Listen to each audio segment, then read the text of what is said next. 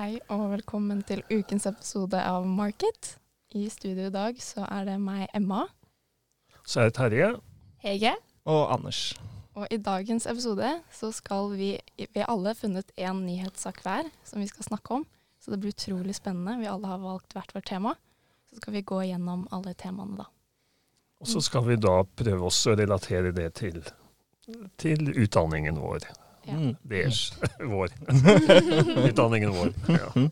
Ja, noen av sakene er litt uh, nyere, så det blir litt uh, etterutdanning for Terje også. ja. Han har jo altså et litt tradisjonelt tema, så har jeg og Emma kommet med noen litt uh, nyere ting. Så vi skal prøve, prøve å snakke litt om de og forklare de litt. Um, kan jo begynne med min sak, da. Uh, jeg ble jo overrasket når jeg så her, det er vel to dager siden eller noe, hvor Tesla hadde gått ut og kjøpt bitcoin for en verdi av 1,5 milliarder dollar. eh, Hvilket fikk eh, markedsprisen på bitcoin til å skyte i været, og nådde en toppnotering på 47 000 dollar for bitcoin. Um, og da blir jo spørsmålet, når et så stort selskap nå har gått inn med um, og kjøpt seg opp i bitcoin, og lanserer dette som at man skal kunne kjøpe seg en Tesla-bil med bitcoin, um, hvordan kommer da det til å se ut? Um, og da lurer jeg litt på om det liksom kommer dette til å bli en ny betalingsmåte da, for uh, vanlige mennesker sånn som oss? Eller er det forbeholdt de store selskapene, de skal gjøre kjempestore business? Og ja, det er mange spørsmål som åpner seg opp. Så er jo det her rett inn i en, en økonomifag, eh, Anders. Men kan du ikke liksom opplyse litt meg som eh, Liksom, hva er bitcoin? Bitcoin er jo da en virtuell eh, valuta um, som kutter ut mellommannen, eh, altså da bank og egentlig stat. Eh, så det er ingen som sitter på liksom kontrollen over hvor mye bitcoin som blir produsert. Eh, det går litt mer på hva markedet trenger.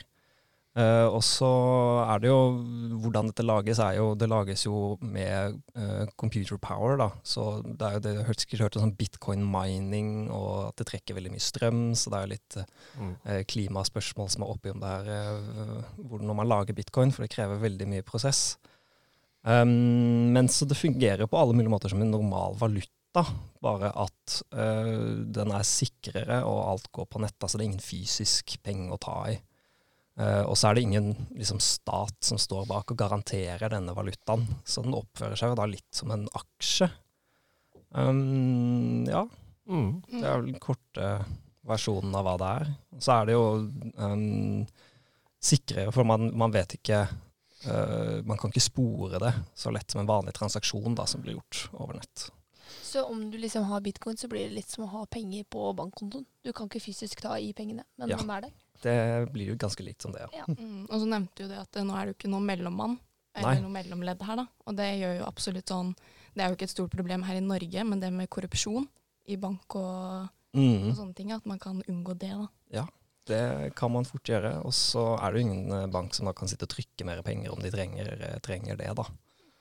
Um, Men det vil jo si at per i dag så kan du kjøpe én Tesla for ti bitcoin, ja, sånn røftlig. Det Og hvis du kom tidlig inn i markedet på bitcoin, så var det kanskje verdt 5000 kroner, 10 000 kroner.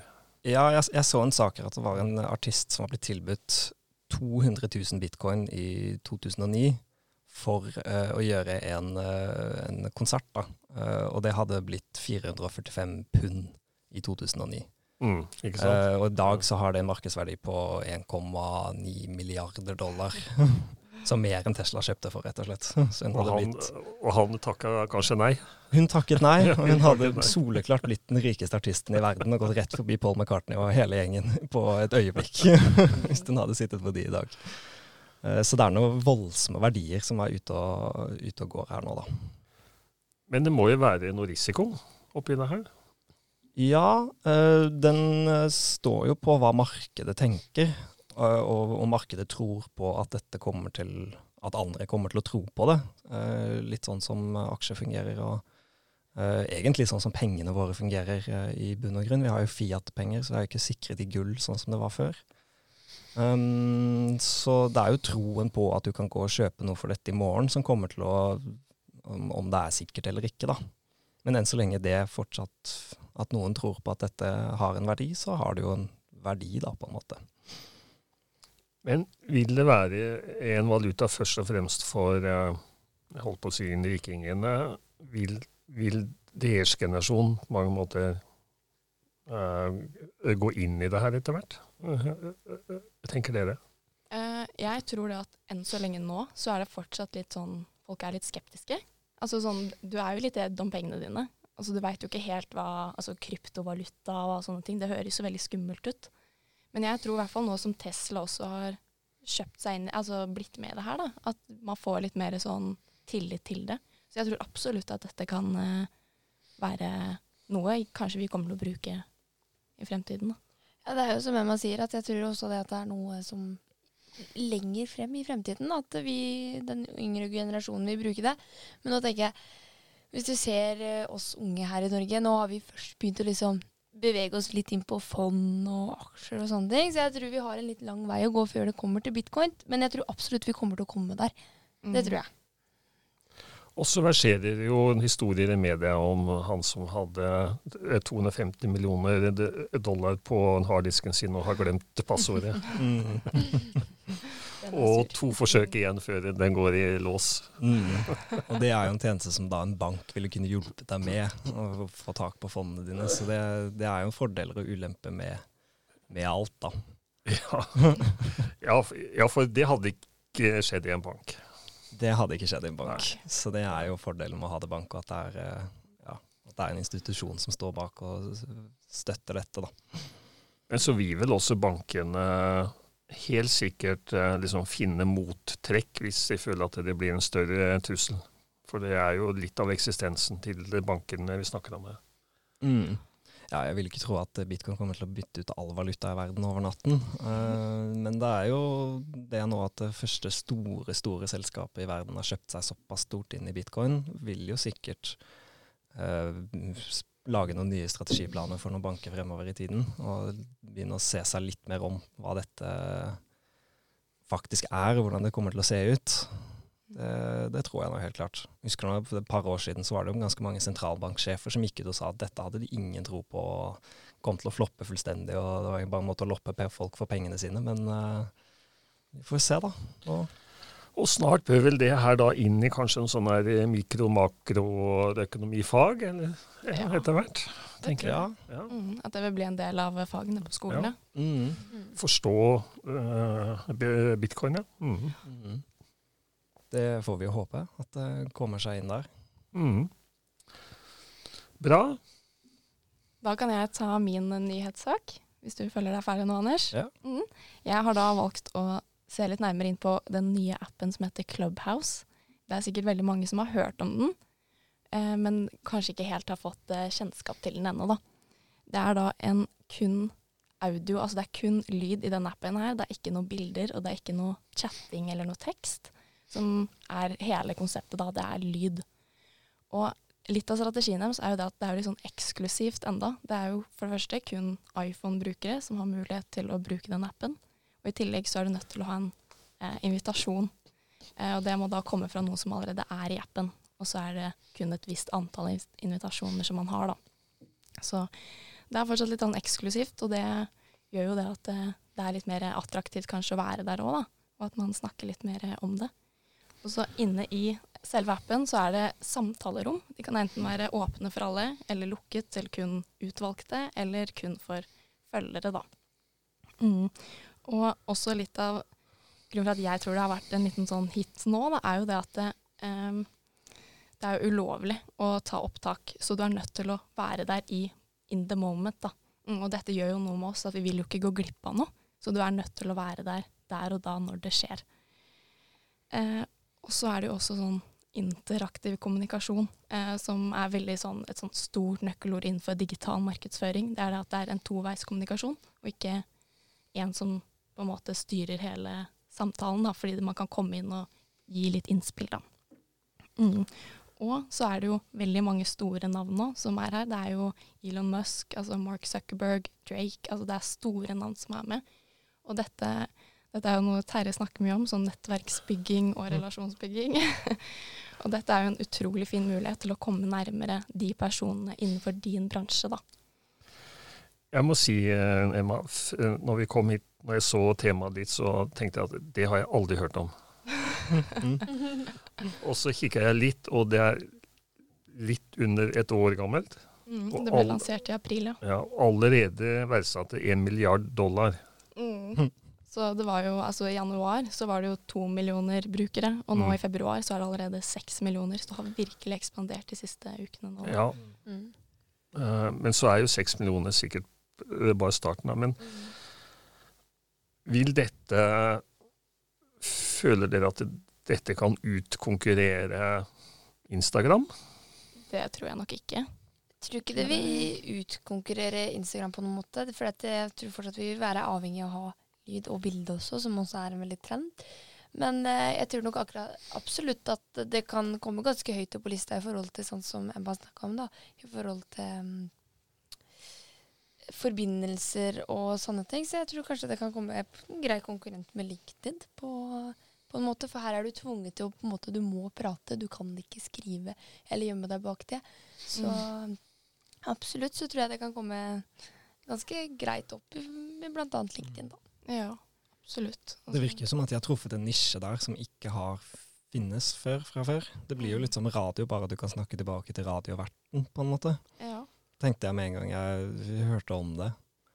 Um, men det virker veldig spennende, da. Nå har jeg ikke iPhone, så nå må jeg, vente, må jeg vente litt før jeg kan laste ned appen Men du, du har jo prøvd også å komme inn der, Emma. Ja, altså Ja. jeg tenkte jo det når jeg skulle først velge den saken her, da, så måtte jeg jo teste ut appen. Eh, Så jeg lasta den ned og la inn telefonnummeret mitt og brukernavn. Og så nå står jeg bare i kø og venter til jeg får en invitasjon. Så det blir spennende å se om jeg kommer inn. Mm. Ja, og da er det noen du kjenner kanskje som må invitere deg inn, da. Ja, stemmer. Så da er det enten noen i kontaktlista mi, eller noen som har lyst til å invitere meg. Da så har man jo kun et visst antall invitasjoner.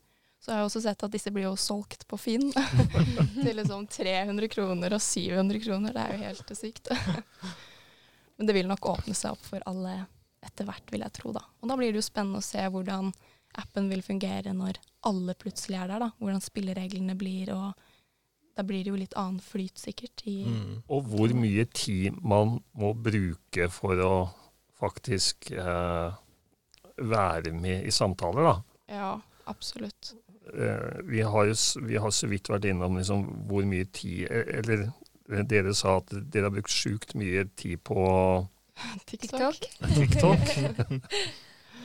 Dette her er Eh, Og så kommer det her på toppen, eller, eller vil det erstatte?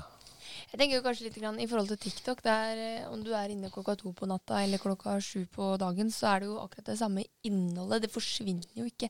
Du må ikke være der i nuet. Men uh, som den appen her er, da, så må du være der der og da. Jeg, jeg vet ikke hvorfor, men jeg kan se for meg at man får litt den der Pokémon eh, go tilbake igjen. At folk går litt berserk og skal være her og der og her i øyeblikket. da. At Ja. du plutselig Oi, nei, nå er den på. Nå er klokka tre på natta, men jeg, skal, jeg må få det her med meg, for at det kan jo være noe interessant. At det kan bli litt den bølgen. Kan ikke det bli en stressfaktor? Og hvor lenge var Pokémon eh, på topp?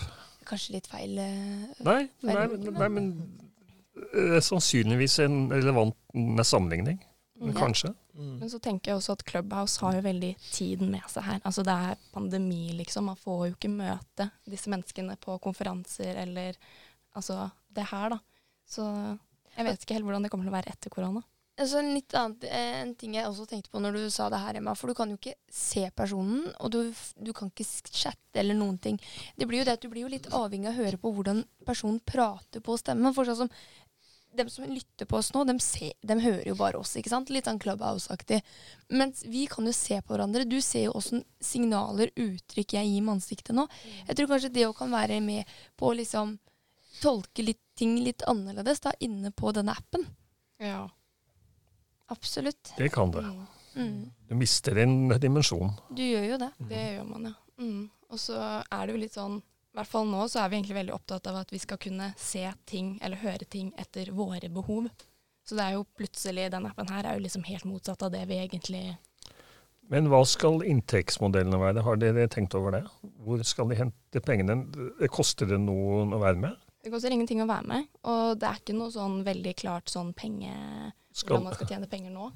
Men det er noe Nei. som er under utvikling. Men hvis det er verdsatt til en, en, uh, milliarden dollar, så må jo alle selskaper ha et inntektspotensial. Mm.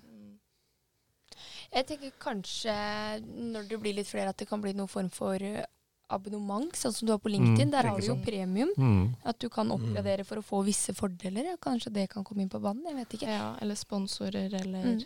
Jeg føler det er for nytt at vi på en måte kan gi noen klare linjer på Først det. skal de ha opp antallene brukere, og så Ja. må de finne betalingstid, tenker jeg. Ja. Men de må jo ha inntekter etter hvert. Mm. da.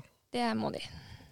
Det virker som at det blir litt vanskelig å gjøre det som tradisjonelt har blitt gjort, da, si mellom uh, Snap Story f.eks., hvor det plutselig popper opp en reklame mellom Mm. to stories som er lagt ut. Det Ja. blir jo litt vanskelig å spille inn gammel radioreklame og slenge liksom midt inn i en samtale et sted. Nei, men i forhold til liksom, uh, oss vurdere på mange måter sånn type forretningskonsepter, da, så, så liksom stiller jeg alltid spørsmålet hvor kommer inntektene fra? Mm. Det er, det er et godt spørsmål, tenker jeg, Mm. Som, er, som kan være verdt å følge med på da, på Clubhouse. Mm. Uh, Kanskje alt blir tatt opp, og så blir det solgt videre til uh, nei, nei, nei, men altså, det er på mange måter rett inn i fagen, da. Liksom, Mm.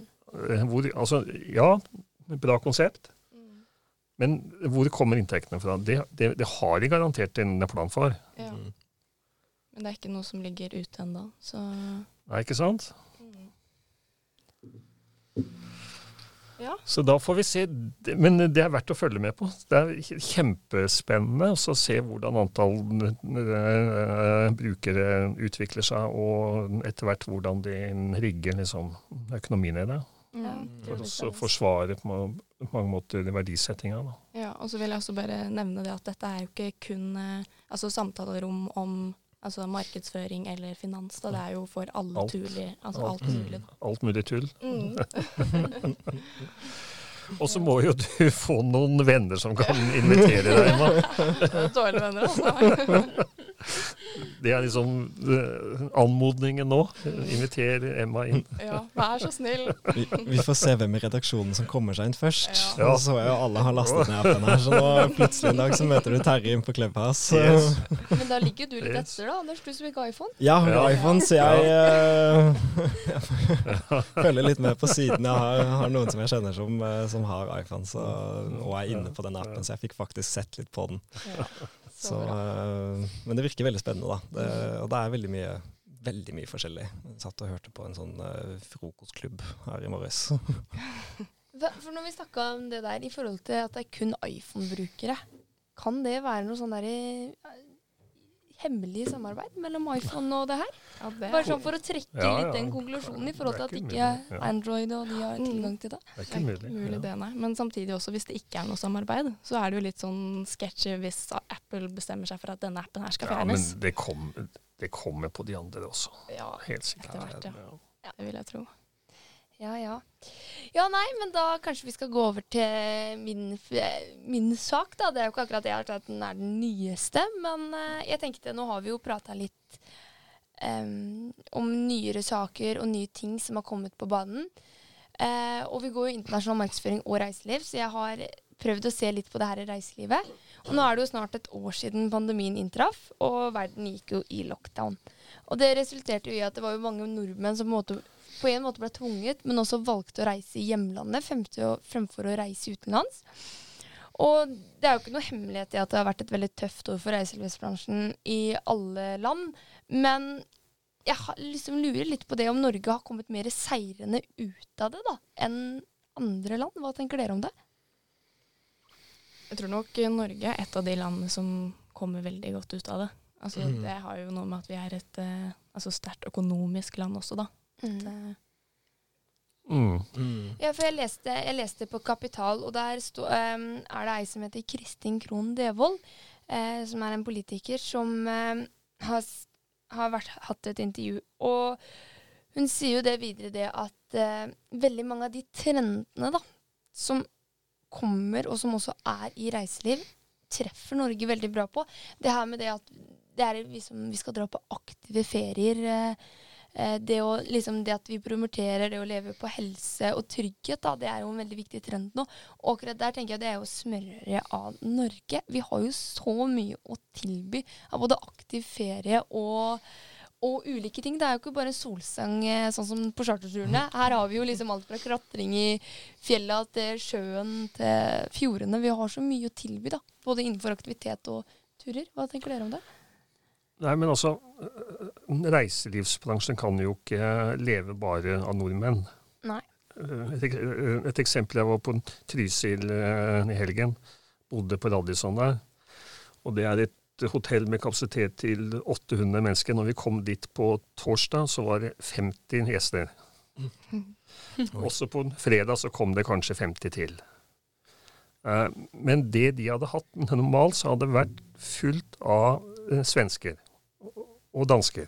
Mm. Det hadde vært fullt. Men nordmenn kan ikke kan liksom ikke fylle opp norsk eh, kapasitet alene. Det er selvsagt. det er selvsagt. Men Mm. nå er vi jo i den situasjonen vi er i. Vi er jo i den pandemien som vi er i. Og i forhold til de omgivelsene da, vi har rundt oss nå, at på en måte det er jo for det meste kun nordmenn som er her i Ja, Norge. ja.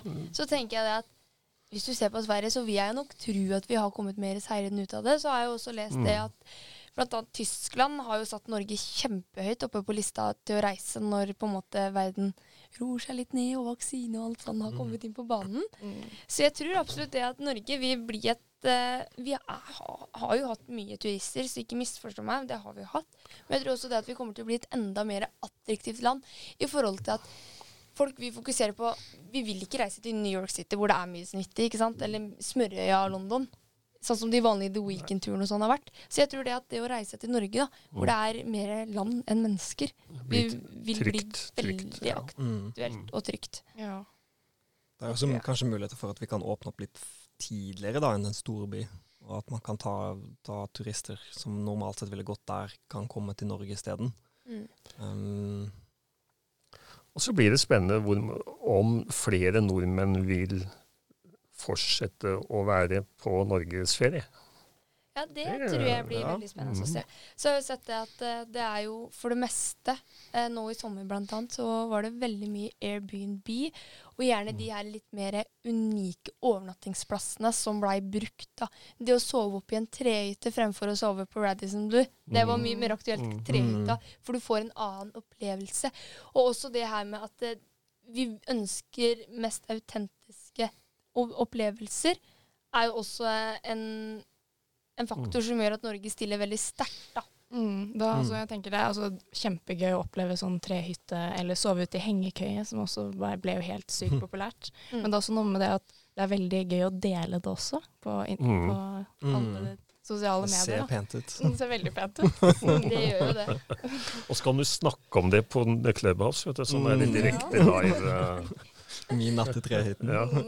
Ja, jeg har jo sett at det har eksplodert med sånne hytter, sånn småhyttekonsept eller mikrohuskonsept inne på Airbnb. For det var det veldig veldig lite av for to-tre år siden.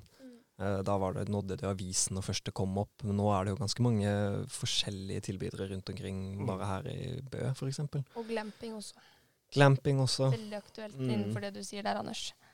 Så det er masse sånne småkonsepter som popper opp. Som, uh Jeg har jo hatt flere studenter som har skrevet bl.a. bacheloroppgave om som eh, trehytter. Mm. ja. Det er veldig spennende. Ja. Et, eh, et tema også. Er- Ja. Ser du for deg glamping kunne vært noe for deg, Terje? Eller er det Radisson Blues som er eh, Jeg leide bobilen i fjor sommer en, en langhelg. mm. Uh, og så tenkte jeg at det, det var veldig greit at jeg leide og ikke kjøpte.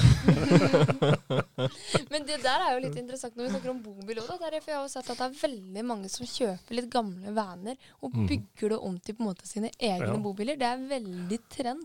Ikke bare her i Norge, men Ja, ja. i USA alle Overalt. andre plasser. Veldig spennende. Ja. Jeg er ikke i målgruppa. Nei. Nei. Ja. I hvert fall det med å ombygge van. Altså, jeg har sett så mange TikTok-videoer av Ja, Ja. absolutt alle Emma. Jeg blir inspirert sjæl, jeg også. Eh, I Australia så leier de er jo store selskaper som leier ut sånne campervaner. Som Mm. du kan leie og kjøre fra by til by.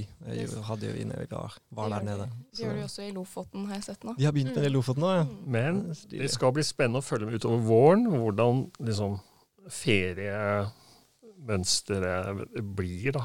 Fra Mm. sommeren, eller iallfall tidlig høsten. Ja. Nå har vi hatt én koronasommer, og så får vi se åssen den neste Ja, blir. Det blir det, det skal bli veldig Det er verdt å følge med, for dette gir veldig god innsikt i liksom fagene våre. Da. Liksom, hva skjer?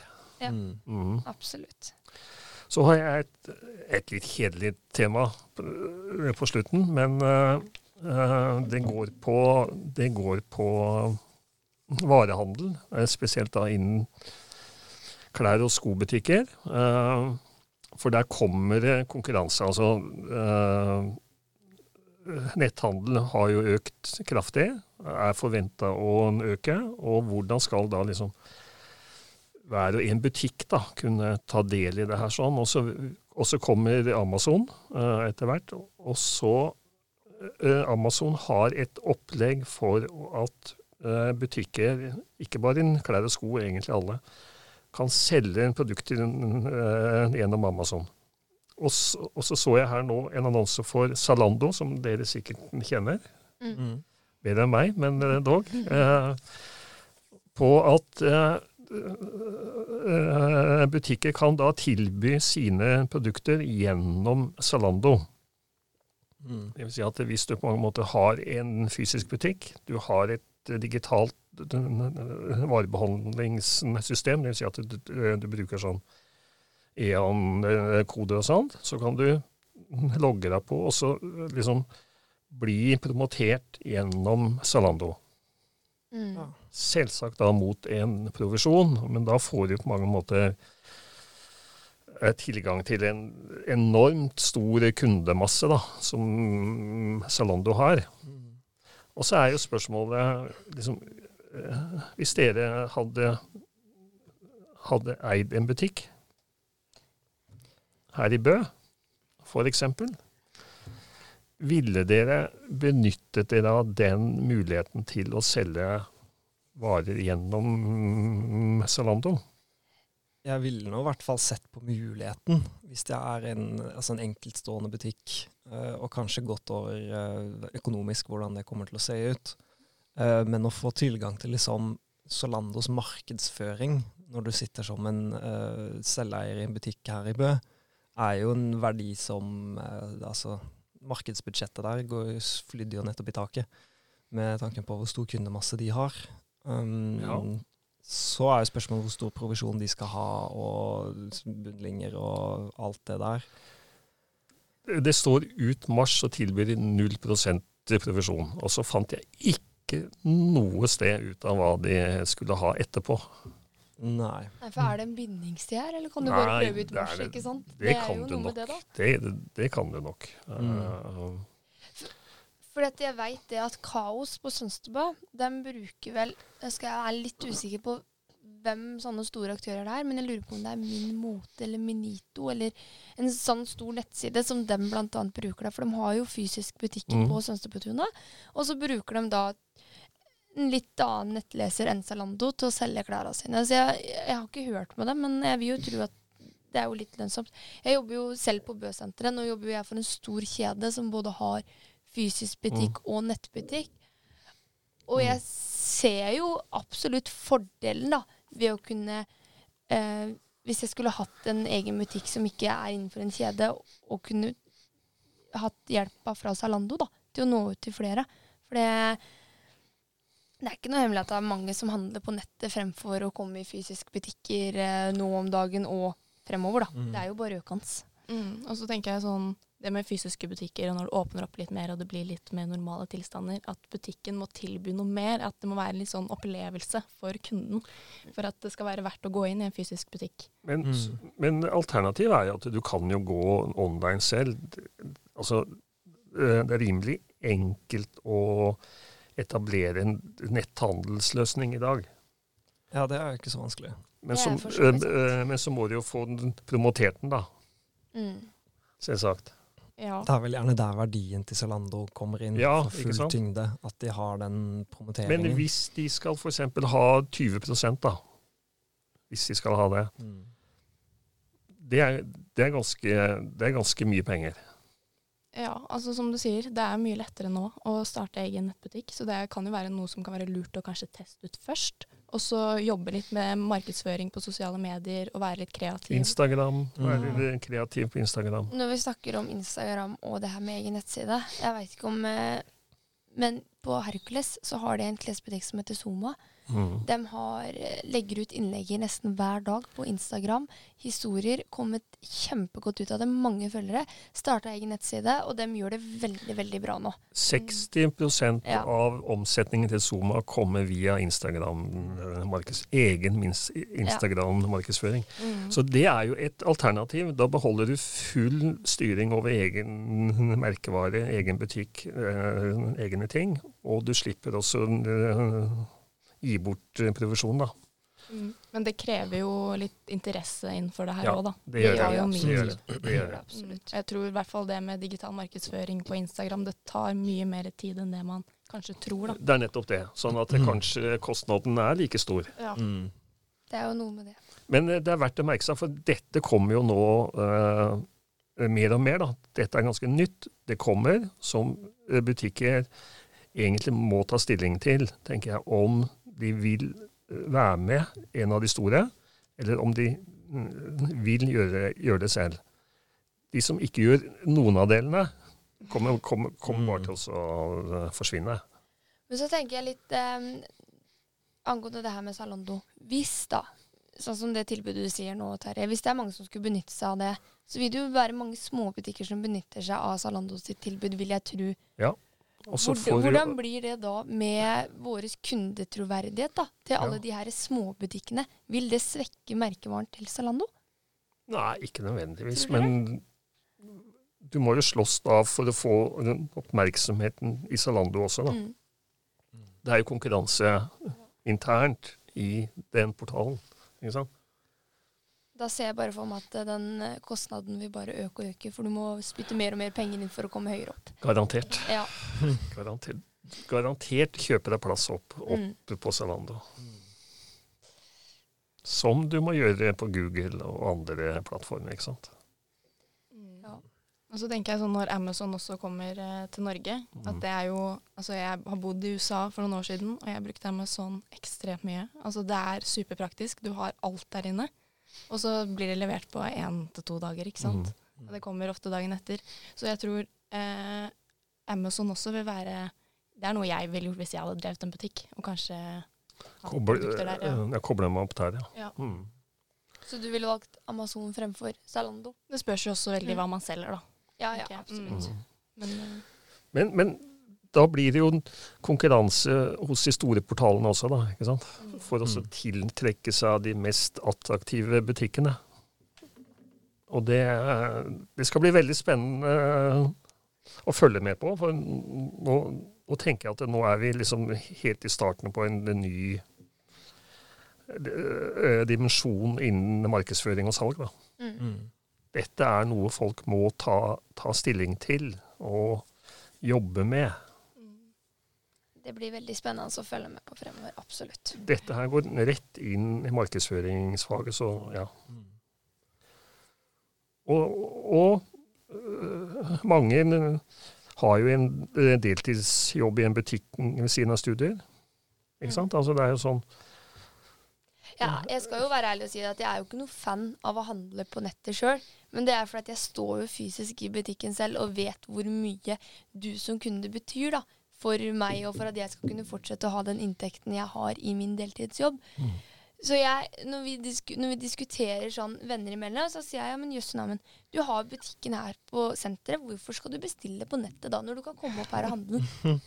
jeg bruker mest netthandel. Ja, Mm. men, men det er jo forskjell på oss alle sammen. For at jeg tenker det at eh, Men nettet kommer. Nettet kommer. Det gjør den jo. Men bestill til butikk isteden, da. Og dette får være dagens eh, siste ord. Så fire spennende temaer, så er vi tilbake igjen om en uke. Ha det bra. Ha det bra. Ha det.